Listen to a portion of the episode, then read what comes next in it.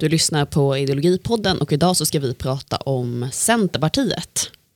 Jag säger hej till Andreas och Caspian som är med mig. Hej hej. Hej hej. Och eh, varför ska vi prata om Centerpartiet eh, just idag? Ja, det är ju extra aktuellt just idag. Det kanske det är när man lyssnar också om man lyssnar efterhand. Men eh, nu är de ju i det stora skiftet. Epoken Annie Lööf tar slut och någonting nytt börjar.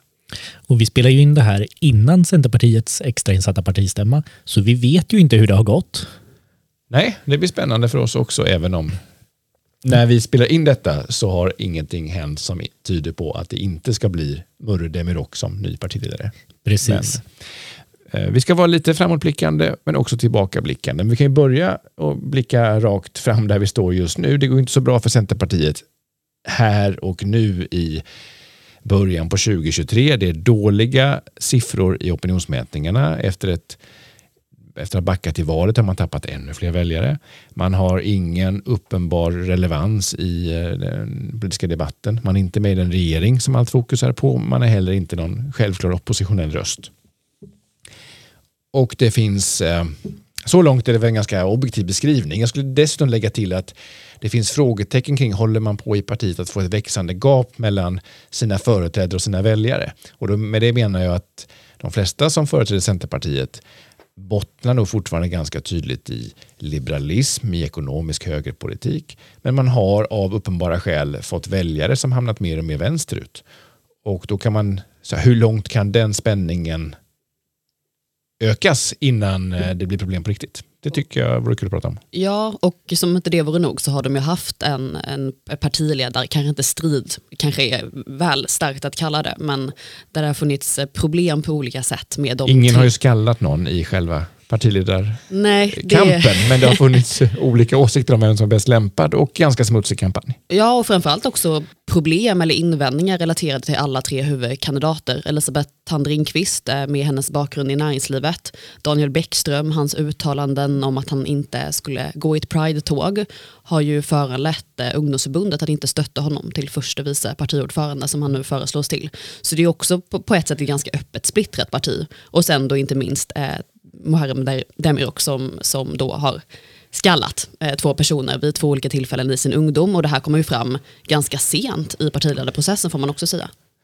Om, om vi backar bandet då, för det var också frågetecken kring varför just de här tre, det fanns ju andra som ville bli partiledare. Först utav alla var Emma Wisner. Det fanns andra som ville lyfta fram Helena Lindblad. Andra namn har nämnts. Många, ju... ja. Inte minst drömde ju många om Emil Källström, kanske framförallt ja. högerut så att säga. Ja, han gjorde ju en sån här snabb, jag inte till förfogande. Det var han tydligen inte heller då. Eh, eh, du har ju bakgrund i partiet Caspian. Förklara för oss andra eh, varför det blev de här tre och vad det säger om Centern. Ja, för, då kan jag säga att en invändning som har kommit utifrån från ja, både höger och vänster och olika håll med personer som inte själva är med i partiet har ju varit att de här tre ligger ganska nära varandra. Det är ett skenval eller ett val mellan tre väldigt Eh, centerpartistiskt mittenorienterade kandidater. Och eh, det är väl också det enkla svaret till varför det är dem. Det är ju otroligt okontroversiellt att en valberedning som ska ta fram en eller flera kandidater som representerar partiet, som är det yttersta ansiktet utåt för ett parti, också föreslår tre personer som ligger väldigt mycket i linje med vad hela partiet tycker och driver och som är på något sätt skulle kunna vara den ja, ansiktet utåt, en kärnan i partiet, en samlande kraft för allt och alla. Då kan man inte ha en person som är som kompetent men polariserande som Helena Lindahl eller eh, liknande. Utan eh, det, det var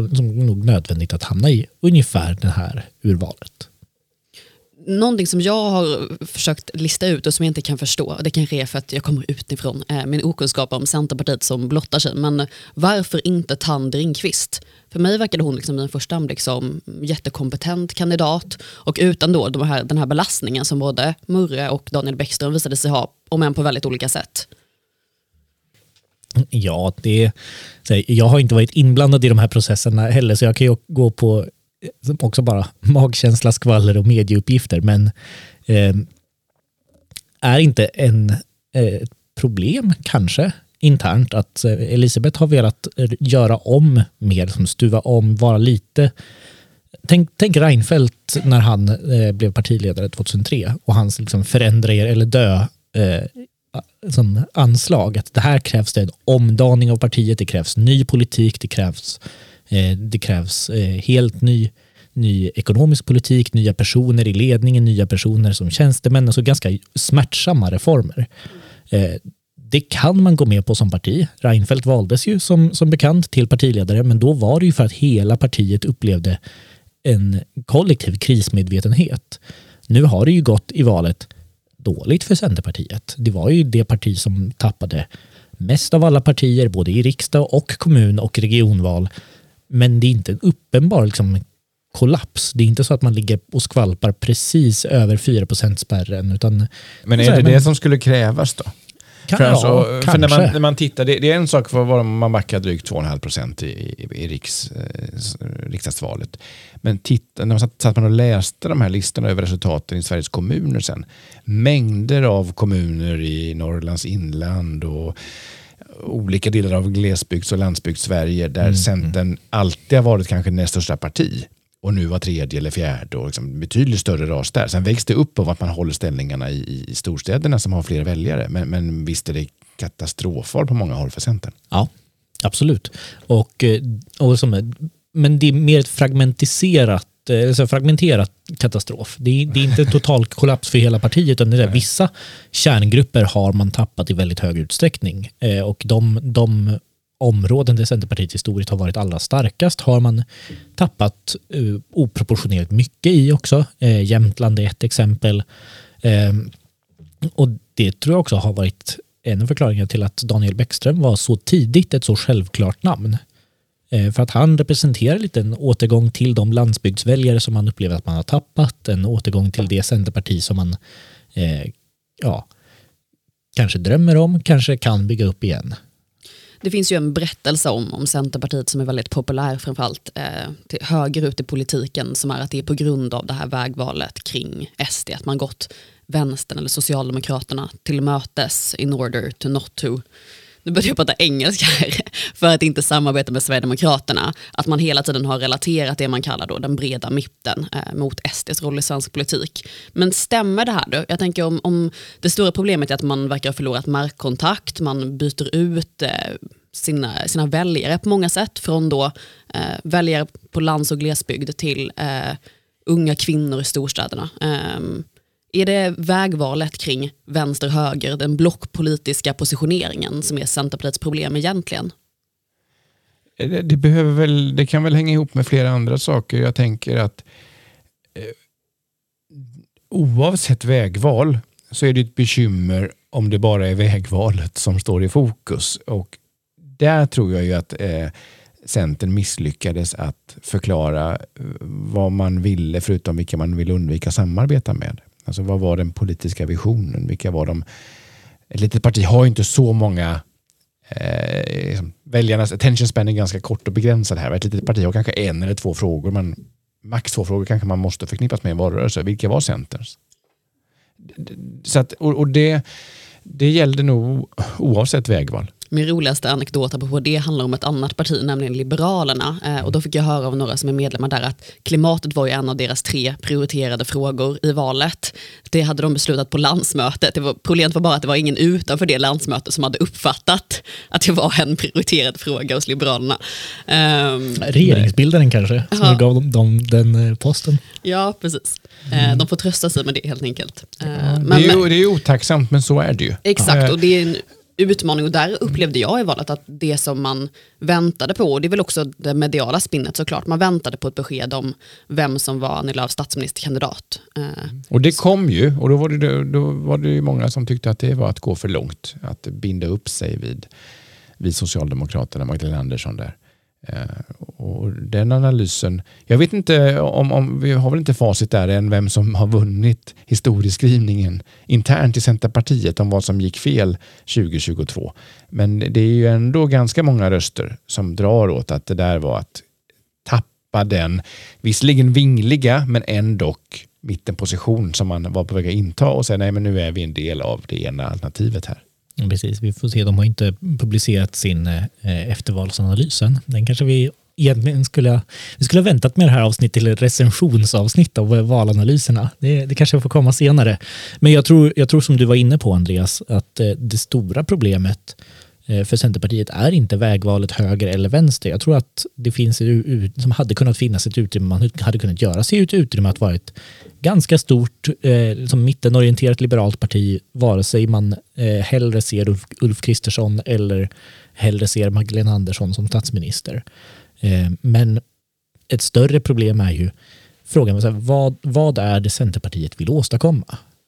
Man frågar sig vil, vilka är de tre viktigaste, eller den viktigaste sakfrågan som Centerpartiet gick till val på? För mig står det ganska still, det är ganska tomt ja, i, i huvudet. Jag vet inte riktigt. Och jag, då försökte jag ändå aktivt att tänka på det här under hela valrörelsen. Vad är det för viktigaste sakfrågor de driver? Och jag, jag snappade upp väldigt, väldigt lite åt det hållet, utan det var liksom viktiga värderingar absolut, som att vara emot rasism. Jag tycker det är toppenbra att vara emot rasism. Eh, att hitta konstruktiva samarbeten, det tycker jag också är superbra. Mittenorienterade breda överenskommelser kan vara bra, behöver inte vara bra, men det, det är ändå liksom, det är en fråga om form, det är inte en fråga om innehåll. Det är klart att man får en väldigt tydlig hint om innehållet genom eh, vem man samarbetar med i, i, regerings, eh, som i regeringssamarbete. Det är inte så att man kan säga att man borde prata om sakpolitik, inte om regeringsfrågan, för regeringsfrågan sätter ju, som lägger ju grunden för all sakpolitik som sen kommer bedrivas. Men vilka som inom det här vänstersamarbetet skulle bli Centerpartiets prioriterade frågor, inom det skulle bli de svåra konflikterna, det var ganska oklart. Och det fick aldrig riktigt plats eller tid att förtydligas. Och där upplever jag just nu, bara för att knyta ihop det här, och koppla an det till framtiden också, där upplever jag just nu att det finns inte riktigt den drivkraft eller någon momentum in, in, i partiet för att ändra på det ens nu i början av den här mandatperioden. Nej, för jag skulle säga det, är det inte det som återspeglas eh, eller represseras nu i partiledarvalskampanjen? Att det varit fokus på deras karaktär, på, som vi var själva. Det kan alla säga någonting om deras styrkor och svagheter som, som människor möjligen. Men eh, förknippas någon av dem med någon särskilt tydlig profilfråga? Jo, men det skulle jag säga. Ja. Och, och, men, men jag skulle säga att kanske att... Eh, du har tänkt mycket på det också. Daniel och Elisabeth eh, förknippas kanske mer med någon form av politisk omdaning. Alltså Daniel Bäckström har ju mer liksom, fokus på klassiska landsbygdsfrågor. Han är som dels som representant för den, den väljargruppen, eh, dels med, liksom, ja, men med eh, bakgrund i land, han är landsbygdspolitisk talesperson, han har varit försvarspolitisk talesperson. Det blir lite mer tillbaka till rötterna Centerpartiet. Men jag, eh, du ska få fullfölja, men eftersom vi, har, vi är ändå en fördjupande podd så vill jag ställa en fördjupande fråga. Mm. Landsbygdsperspektivet, ja det är ett frågeområde. Men mm. vad innebär det? Innebär det mer av den gamla centerpolitiken med att skicka pengar från ja, storstäder till landsbygd och bidragspolitik? Eller är det ett om, omprövning också? Vad, en ny analys av vad landsbygden behöver? Det nu, nu kommer inte det prövas i, i praktiken eftersom han inte blir partiledare. Å andra sidan första vice partiledare och gruppledare, så det kanske kommer mer på den. Jag har inte upplevt det som någon öppning för en hel omprövning av landsbygdspolitiken, men möjligen eh, skjuta fler vargar. Kan man då eh. säga i en orättvis sammanfattning att det, det är i så fall den linjen som är minst liberal, alltså stärka den del av Centerpartiet som är mest icke-liberal i någon slags klassisk vänster-höger-position ekonomisk ja, politik. Det är, nog en, det är nog en rättvis beskrivning, åtminstone på den, på den, i den dimensionen. Eh, sen har han ju varit mer säga, högerorienterad eller högerpositionerad i ekonomiska frågor än vad till exempel eh, Muharrem Demirok har varit. Eh, den som har haft kanske störst förändring, så sökt störst förändringsmandat av politiken har varit Elisabeth Andringqvist som faktiskt utan att fylla det med fullt ut innehåll, men ändå tydligt sagt att hon vill göra om politiken. Hon säger att Centerpartiet behöver politikutveckla, behöver en ny ekonomisk politik, ny näringspolitik och så vidare. Eh, har en bakgrund i här, närings, eh, näringslivet och näringslivsvänliga organisationer. Och, eh, där finns det ju en mer marknadsliberal... Timbro tiden. Ja, men en, en Timbrolutande personlighet. Eller så här, den, mm den delen av Centern som drar åt det marknadsliberala hållet. Eh, utan att för den delen glänta på liksom, eh, högersamarbetet. Eh, eh, eller så. Eh, den partiledarkandidat som jag upplever har haft minst vilja till någon form av ja, förändring eller avtändning är ju den nu föreslagna partiledaren eh, Muharrem Demirok som har, säga, han är kompetent. Han har suttit i partistyrelsen jättelänge. Han, han har suttit i två omgångar, kom in i partistyrelsen första gången 2005. Eh, så han är ju väldigt, väldigt liksom, långvarig, lång, långvarigt engagerad, långvarigt lojal, pålitlig eh, centerpartist, kommunalt perspektiv. Men som jag inte vet om han kommer göra några omtag i någonting egentligen. Det får vi se. Ja, men jag skulle vilja uppehålla mig lite med den person som de antagligen då kommer att valt till partiledare när det här sänds. Fredrik Johansson skrev en text i, i Smedjan som kom för några veckor sedan med rubriken “Det danska skallarna är det minsta problemet för Centerpartiet”. Eh, och som vi då också har eh, understrukit här så finns det ju eh, stora problem i partiet. Vad är deras väg framåt? Vilken roll ska de ta i ett nytt politiskt landskap och så vidare. Men är inte ändå de här domarna lite av ett problem? Och tystnaden ja, sänker sig. För jag, jag är beredd att ta en ganska bold position där. Alltså jag tycker det är jätteanmärkningsvärt att det här, framförallt då två delar. Dels att det är två domar och dels att det här framkommer så sent under processen. Och då också i bemärkelsen om man kollar på det avsnitt av Agenda som kom för några veckor sedan när eh, Murre intervjuas så upptas ju det mesta av tiden till att prata inte om partiets väg framåt utan om de här två domarna som han fick för typ 20 år sedan. Det riskerar ju att ta väldigt mycket fokus så i, i, den bemärkelsen är det också ett problem. Men sen kan man ju ha en mer liksom, etisk diskussion. Kan vi idag, 2023, välja en partiledare som har två misshandelsdomar? Finns det något eh, historiskt exempel eller historisk motsvarighet på det här i svensk politik? Mm. Och där tycker jag nog som utgångspunkt, alltså man kan ju bryta upp det här på flera sätt. Det finns ju dels den grundläggande sakfrågan, kan man välja en sån person? Är det, liksom- är det här så pass klandervärt att, att han borde vara utesluten från att bli partiledare. Där tycker jag personligen att nej, eh, egentligen inte. Det var väldigt länge sedan. Eh, vi, så vitt jag vet så, så är det inte annat som har kommit fram. Sen är det så här, osannolikt att, de, att det skulle vara de två enda slagsmål han varit i råkar också bli dömande misshandelsdomar det är en förklaring som kanske inte helt och hållet flyger. Jag förstår, det, det finns ju goda skäl att vara lite försiktig och lite orolig för, för det.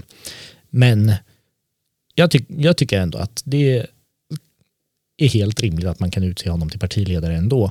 Förutsatt att han liksom har ång, liksom, ångrat sig och hanterat det här på snygga sätt och liksom så vidare. Jag tycker inte att det är, är ett grundläggande problem. Men som du säger Amanda så finns det ju följdfrågan då. Hur kommer det här slå mot eh, som är medialt eller uppfattningar av, av honom som partiledare, uppfattningen av Centerpartiet som parti eh, upp, och eh, kommer de ha ett utrymme att driva sin sakpolitik? Och det är en alltså, knepigare nöt att knäcka. Det ser inte ljust ut tycker jag initialt i alla fall, men det kan ju vara så att vissa kommer anse frågan avhandlad när han väl blir vald, men det är inte, det är inte min känsla. Men jag, jag, tycker ju, utöver att det är intressant i sig, så är vi ju också inne på en principiellt eh, intressant frågeställning som jag skulle kunna rubricera så här. Hur tolerant är Centerpartiet? Är det så att ett, eh, en tveksam inställning till eh, Pride-tågets främsta linje väger tyngre än två uppercuts? Det vill säga, man valde ju bort en person på grund av att han inte tillräckligt engagerat eh, bejakade partiets linje i eh, den men kan vi inte gå tillbaka ja. till läggarna? Vad är det egentligen, vad är det Daniel Bäckström har sagt och gjort? Han har både varit då skeptisk till att gå ett Pride-tåg. Eller hur ska, man tolka, hur ska man tolka det? Han fick en fråga och uh, sa att dels var det, uh, dels var det frågan om att viga, att viga samkönade par. Då ville han han hade inte funderat på den frågan, inte varit aktuell för han hade inte haft vigselrätt. Så han ville tänka efter kring det. Och så var det också en fråga kring att, att gå längst fram, tror jag det var formulerat som i Pride-tåget. Och den frågan ville han återkomma ja. till. Vem ställde de här frågorna? För det är väldigt roliga frågor på något sätt. Bara ställa, ställa en, en person som inte har vigselrätt får en fråga om huruvida han skulle kunna viga ett samkönat par Och också då formuleringen gå längst fram i ett Pride. Men här tror jag man kommer in på det du, det du söker efter Andreas, som toleransen och eh, vilken typ av mångfald som är välkommen. För Daniel har ju en, en, en kristen bakgrund, djupt troende eh, i inte Svenska kyrkan utan en, en snävare, nu minns jag inte jag vilken eh, församling eller vilket samfund. Men, eh, EFS tror jag det är. Det kan nog stämma. Eh, och att i ett sånt läge då vara Eh, från liksom, in, i ett hbtq-perspektiv eller jämställdhetsperspektiv lite bekymrad är väl fullt rimligt att fråga då, så här, hur ser du på de här frågorna som din, eh, ditt samfund eh, historiskt har varit skeptiskt till? Hur ty vad tycker du om samkönade äktenskap? Vad tycker du om Pride-paraden som frågor som, som är väldigt viktiga eh, i, i samhället? Som inte heller bara är liksom positionering och wokeness utan det handlar ju om eh, faktiska fysiska människors plats i samhället. Mm. Men man kan ju vara stenhård motståndare till diskriminering utan att själv vilja fronta ett Pride-tåg. Ja, absolut. Och man kan ju vara Eller, fullkomligt är, ja. för att, eh, att, samkönade, att eh, samkönade par får gifta sig utan att själv vilja viga dem. Men man, där kommer man in lite på vil, vad, vad, har en partiledare för roll? Man, ska man bara vara liksom den politiska ansiktet utåt eller ska man stå för något slags lite mer moralisk väckning eller liksom en, en rörelse som står för något större än bara sakförslag, sakförslagen?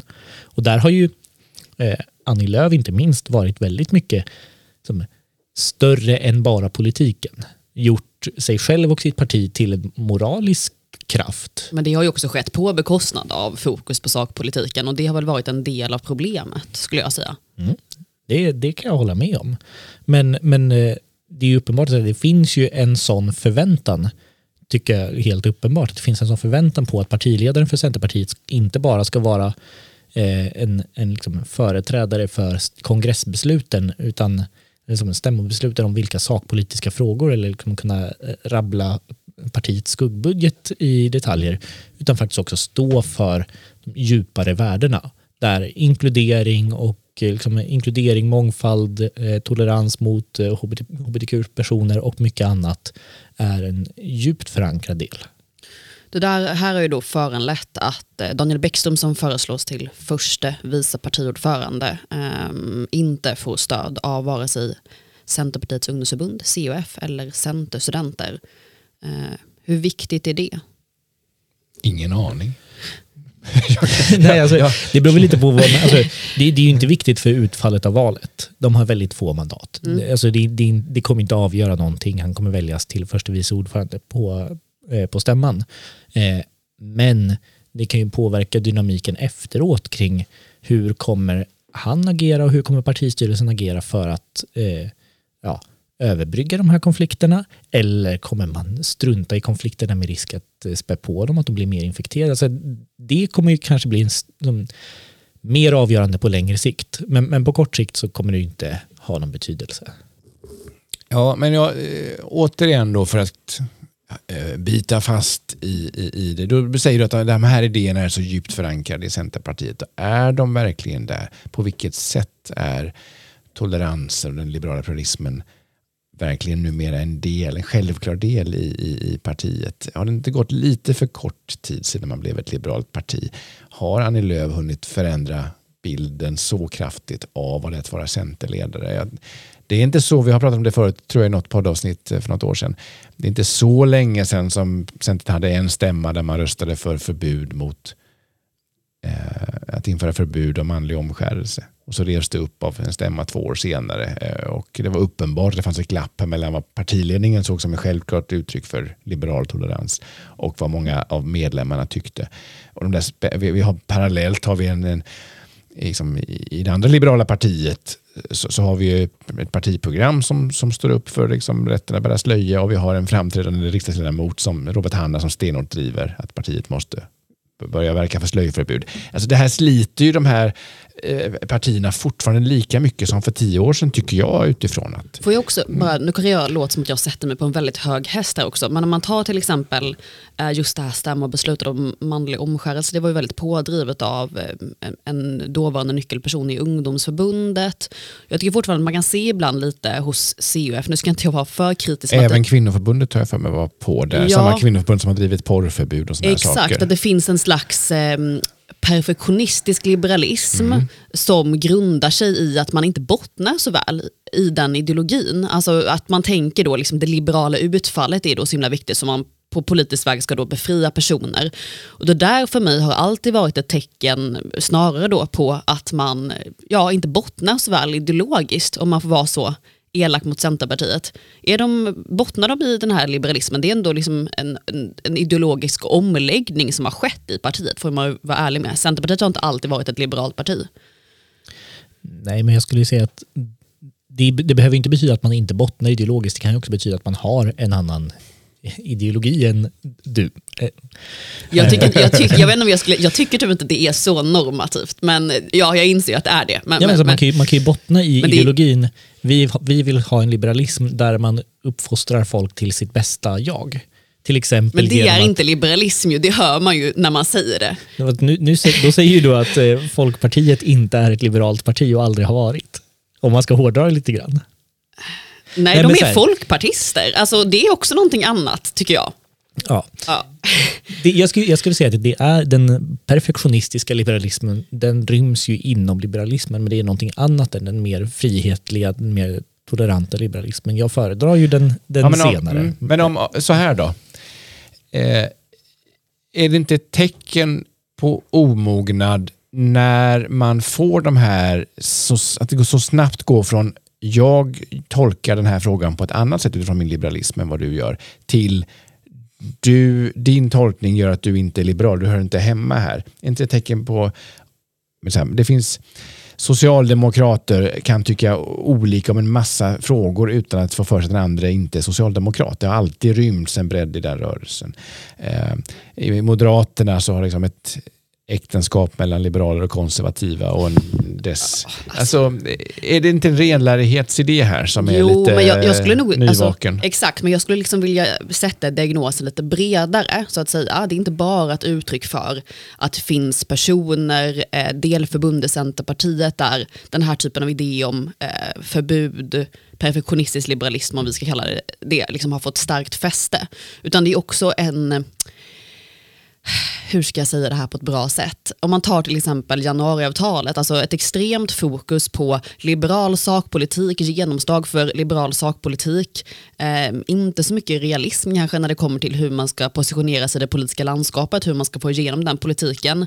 Och, och det där grundar sig väl också lite i, om man tar då Rika Tolnaj som är ordförande för Centerpartiets ungdomsförbund, när hon trampade i klaveret ganska tidigt under sitt ordförandeskap eh, med sitt uttalande om, om Britt-Marie och alltså det här att man skjuter från höfterna, ja vi måste såklart ta bort LAS och så, men det saknas kanske en lyhördhet eller en pragmatism. Och istället så är man beredd att liksom sätta väldigt starka så, liberala utfästelser oavsett om det handlar om eh, sakpolitik eller principiella frågor. Men missar då att principiella frågor kring till porrförbud eller manlig omskärelse är svårare frågor än att vilja avskaffa eh, en hyresreglering. Håller ni med mig? Det var många saker på en gång. Jag vet inte om de är svårare. Det, jo, det är det väl på ett sätt. Men det, på ett sätt är det väl lite det jag också är ute efter där. Att, eh, de där nyanserna och eh, alltså att, att, vara, att vara ideologisk är inte samma sak som att vara dogmatisk. Exakt. Eh, det, det, och det kan lätt bli dogmatism ibland. Eh, Du ser skeptisk ut Caspian. men jag ska säga en sak som jag verkligen inte håller med Det fanns eh, några saker jag höll med och några saker jag inte höll med om. Det, det var mycket på en gång. Men en sak som jag verkligen inte håller med om är att det skulle vara en mindre ideologisk fråga att avskaffa en hyresreglering. Nej men inte en lika svår fråga, alltså normativt i avvägningarna menar jag. Men där tycker jag det nästan tvärtom är en väldigt bra illustration av Centerpartiets liksom, eh, frågetecken inför framtiden. För det, det har ju Annie Lööf sagt i intervju att eh, hon borde kanske lite snabbare ha släppt hyresregleringen för att rädda samarbetet, januariavtalet och eh, regeringskonstellationen där. Eh, istället för att den föll, januariavtalet föll, Liberalerna lämnade och så. Eh, och det kan man ju diskutera. Vad borde hon ha gjort? Vad borde hon inte ha gjort? Vad borde Moderaterna ha gjort? Och så vidare. Men uppenbarligen så, så har ju Annie Lööf här gjort bedömningen att släppa en ideologiskt viktig, marknadsliberalt viktig eh, fråga med stor materiell betydelse för Sverige är värt det för att hålla ihop ett samarbete vänsterut med socialdemokrater och faktiskt vänsterpartister. Eh, den frågan kommer ju att hänga kvar i någon mån för över Centerpartiets nästa partiledning. Eh, vad ska man göra? Vad ska man fatta för beslut? Hur ska man förhålla sig till att ibland kommer man behöva backa från frågor, ibland kommer man behöva ta konflikter gentemot ett vänstersamarbete. Vilka frågor är prioriterade då? Eh, om det inte är hyresregleringen, vad fyller man Säg att man inte prioriterar den ekonomiska liberalismen i ett sådant samarbete. Vad fyller man för funktion då jämfört med till exempel Miljöpartiet eller Socialdemokraternas lite mer frihetliga grenar? Ja, det är en fråga jag verkligen ställer mig. Vad är Centerpartiets relevans? Jag har inget bra svar på det. Nej, det, så är det. Jag håller med om problembeskrivningen. Och, uh, nu är det väl inte givet att liksom, det är den rollen man tror sig fylla heller. Nej. Är inte det en öppen fråga? Hur man, det är ändå ganska långt till, till, till nästa val. Det är många andra som hinner ställa till under tiden. Eh. De senaste två mandatperioderna har ju verkligen lärt oss att en mandatperiod ja. är ganska lång. Man, väldigt mycket kan hända i ompositioneringar och politiska förflyttningar och eh, internationella kriser och vad, vad det nu kan vara som ritar om landskapet. Men då skulle jag säga att det scenario som du ändå är inne på här, det, det måste väl rimligen vara det sämsta tänkbara. Att tydligt placera sig i, att acceptera den nya blockpolitiken, att göra sig själv till en del av vänsterblocket och ge upp ambitionen att prioritera och driva ekonomiska högerfrågor. Mm. Eh, då finns det ju ingenting kvar. Mm. Eh, och riktigt så dumma kan de väl inte vara, tänker jag. Men eh, riktigt jag har blivit, så illa ja. tror jag inte att det går, men, men av det lilla som jag har sett i sakpolitisk väg från, från Murre inför Eh, partiledarvalet nu eh, så har det varit en del prat om att positionera Centerpartiet mer som ett skolpolitiskt parti. Det är inget fel med skolan, det är en viktig politisk fråga, bra att den fungerar väl. Eh, men det är inte heller uppenbart att det är där Centerpartiet drar ett eventuellt vänstersamarbete högerut. Det är inte uppenbart att det är där Centerpartiet behövs mest som en högervikt i ett vänster, en vänsterkoalition, eller om man ska säga så. Däremot finns det ett utrymme såklart för, för en, liksom ett borgerligt parti att positionera sig. Liberalerna har ju försökt men inte riktigt kommit hela vägen. Det finns ju ett tomrum här att formulera en ny skolpolitik. Eh, men eh, den, ja. En sak som jag har funderat mycket på då, det är, i offentligheten finns det inte många röster som är väldigt kritiska mot SD-samarbete, Tidöavtalet. Varför har man inte lyckats liksom kanalisera fler av de väljare som är liberala, borgerliga men fortsatt starkt skeptiska till SD? Är det för att det finns så få? Det kanske inte är fler. Ja. ja. ja. Eller, eller för att man själva erbjöd ett alternativ som inte var så jättemycket mer attraktivt. Det är, det är en bra fråga. Jag tror att om man lockar, lockar personer från Liberalerna eh, som parti, där fanns det inte så himla många kvar att locka. Eh, får man säga. Well. eh, så, eh, men, men i det bredare perspektivet, liksom, vad, vad har hänt med den breda väljargruppen? Liksom, hyggligt marknadsvänliga, hyggligt progressiva personer som inte gillar Sverigedemokraterna. Ja, de har väl hamnat lite här och där. Några har släppt sitt som hårt principiella motstånd mot eh, Sverigedemokraterna och landat i att ja, men om vi ska ha liberala reformer av ekonomin, liberala reformer på en, en mångfald andra områden och kanske få bort Socialdemokraterna från regeringskansliet, då behöver vi rösta på, på Folkpartiet ändå. Eh, andra har kanske landat i att ja, men vi behöver en eh, socialdemokratisk regering igen. Eh, och eh, då men, är ja. Magdalena Andersson en starkare företrädare än Annie Lööf. Och liksom, det, det, finns så många sätt att eh, landa på andra platser. Och, men där är ju den dåliga nyheten att precis som förväntat så förlorar den nya regeringen stöd i mätningarna. Det, det, det är liksom normalläget. Men, men alla de går till Socialdemokraterna. Eh, Centern lyckas ju inte alls och, och där måste man ganska snabbt hamna i en position som man kunde göra under den här eh, korta perioden när, när Anna Kinberg Batra skrämde bort moderatväljare för att hon öppnade för SD. Då gick de till Centern, inte till S. På samma sätt så måste Centern försöka attrahera dem nu som tycker att Tidöavtalet blev för mycket SD-politik och för lite liberalt. Men det, det har inte hänt hittills. Jag vill vi ska prata lite om Annie Lööfs legacy. Det är en av de längsta partiledarperioderna i modern tid som nu avslutas, 12 år. Hon har, vi har varit inne på detta, hon har verkligen satt bilden av sitt parti och förkroppsligat det. Hon har väckt mycket känslor eh, och blivit väldigt populär utanför partiet också. Var placerar vi in henne i Centerpartiets Hall of Fame? Jag vill bara säga att hon är den längst sittande centerpartistiska partiledaren sedan Torbjörn Fälldin. Mm, bara en sån sak. Bara en sån ja. sak. Eh, och hon har ju helt uppenbart satt ett eh, stort avtryck både på sitt parti och på svensk politik. Eh, och det har ju gått åt lite olika håll i olika delar av hennes partiledarskap får man säga. Eh, jag minns ju när hon var helt nyvald och den marknadsliberala tidskriften Neo eh, hade henne liksom stort som framsida, bara en porträttbild på henne i halvprofil och rubriken Hoppet. Eh, det här var verkligen, liksom, nu har vi Luke Skywalker här, nu har vi räddningen för galaxen, nu har vi räddningen för marknadsekonomin och eh, liberalismen och eh, som Sveriges frihet är säkrad med Annie Lööf. Och eh, de personer som, satt, som har suttit i Neos redaktion till exempel skriver ju inte alltid så om eh, Annie Lööf idag.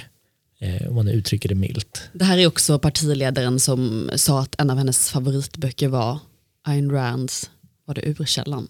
Världen själv, det tror jag det var. Mm, ja. Jag tror också det. Så hon, hon, som du är inne på Kasper, hon, är, man har verkligen initialt bilden av att det här är det nyliberala hoppet eh, som nu intar svensk och partipolitik. Samtidigt så var hon ju också den stora eh, fiendebilden för vänstern. Mm. Alltså hon var, var tillräckligt tidigt väldigt hånad och motarbetad, alltså sågs ju som ett verkligen högerspöke, Timbrospöke som kom in här. Och, man har ju gjort ett varv då kan man säga. Ja, det har hunnit hända en hel del, men ni svarar inte på min fråga. Eh, Nej, men jag, jag tror att man behöver, lite, jag tror man behöver ja, lite den här kontexten, att här, mm. det har sett så olika ut och eh, det är så pass Eh, nu när vi spelar in det här så är hon fortfarande partiledare och när det här avsnittet kommer så är det fortfarande så pass nyss, typ igår eller något sånt, som hon eh, avgick. Så det är svårt att ha distans än. Och det är bara brasklappar som säger att vi kan ha helt fel. Men hon har ju verkligen varit extremt viktig för Centerpartiets, eh, Centerpartiet och svensk politik. Och bara för att klargöra, vill du att, ska, att vi ska rangordna henne i kvalitet, så vem vi tycker är bäst eller vem som har satt sta, starkast ja, avtryck? Eftermäle tänker jag. Alltså man får så. väl välja sina egna kriterier. Man kan... Men jag, jag, alltså en, om jag ska börja göra en sortering, jag tycker att hennes eftermäle avtryck det är klart starkare än Maud Olofssons. Och det kanske inte man trodde initialt. Yes, ja, mm, mm. Ja, ja, då börjar jag med att inte hålla med där. För jag skulle säga att Maud Olofssons eftermäle är ju Annie Lööf. I ganska hög utsträckning. Mm, Maud Olofsson eh, tog ett parti som var ganska nyss ute ur, ur Olof Johanssons klor, om man får säga så. Ute ur ett långvarigt vänsterlutande partiledarskap och eh, ett... Eh, Motstånd mot... Ja, nej, vi ska ja, inte gå in på det. och eh, tillsammans med då hennes föregångare Lennart Daléus, men Maud Olofsson var ju den som verkligen förankrade starkt Centerpartiet i borgerligheten. Eh, delvis av ett personligt motstånd mot eh, Göran Persson men också väldigt mycket ideologiskt. Liksom, socialdemokratin var fel. Den var mot företagen, den var mot landsbygden. Det fanns en, liksom, en rivighet i motståndet mot socialdemokratins eh, grundläggande värden. Så jag skulle säga att Maud Olofsson kanske rankar högst eh, i mina ögon som personen som förankrade Centerpartiet som ett, ett borgerligt, liberalt, marknadsvänligt parti. Men därefter tror jag att Annie kommer. Fälldin då? Ska ingen nämna honom? Ja, jo, men jag tycker nog att Caspian, eh, utan att säga det rakt ut, tycks underskatta Fälldins betydelse. Nej, jag tycker att alla andra överskattar Torbjörn Fälldin. Ja, för det är ändå moderniseringen av det gamla bondeförbundet. Eh, du pratar om att Maud Olofsson eh, tog Centerpartiet från sin vänsterlutande in i borgerligheten. Det var ju det Fälldin gjorde när han efterträdde Gunnar Hedlund som ju eh, med glädje hade samarbetat med Socialdemokraterna, suttit i regering med dem. Och Hedlund skydde ju Högerpartiet högerpartiet Moderaterna som, som pesten. Där var Fälldin beredd att prioritera det samarbetet. Eh, och eh, sen kan man tycka vad man vill om det, men att han förde in en helt ny dimension i svensk politik med miljöpolitiken och ehm, också den som i någon mening förde in populismen och eh, etablissemangskritiken. Allt det här är ju inte odelbart positiva arv, men eh, som en förändrande kraft i svensk politik så, så tycker jag nog att Fälldin Eh, ska vara där uppe. Sen får jag väl erkänna att jag håller med er att det är lite för tidigt för man behöver se vad som kommer efter Löv för att också få det perspektivet. På samma sätt som att Löv då ett, kanske är ett argument för att Olofssons arv blir starkt. Hon möjliggjorde den här långa, liksom 12 nya år av, eller åtminstone 10, eller jag vet inte hur många år nu vi räknar som att Centern ändå har haft en borgerlig mm. profil under Annie Lööf. Ehm, men, men Annie Lööf är där i alla fall topp tre. Det, det, tror jag nog redan, vågar jag säga. Vi är inte helt eniga om Nej. ordningen, men topp tre eh, i Centerpartiets partiledares Hall of Fame. Eh, där kan vi nog definitivt placera henne. Är det någon som vill tillägga någonting? Ett medskick kanske till den nyvalda partiledaren? Ett medskick till lyssnarna. Hur, som en metodfråga, hur ska man egentligen utvärdera en partiledares vikt i sitt partis historia och när kan man göra det först? Mm. Vi, det, det kanske är till oss själva att fundera på. Till, vi, vi tar tacksamt emot tips på ja. hur man kan göra det på ett bra sätt ja. i våra fortsatta analyser av partierna. Mm. Kasper och Andreas, kul att snacka med er idag och tack så jättemycket till alla som har lyssnat.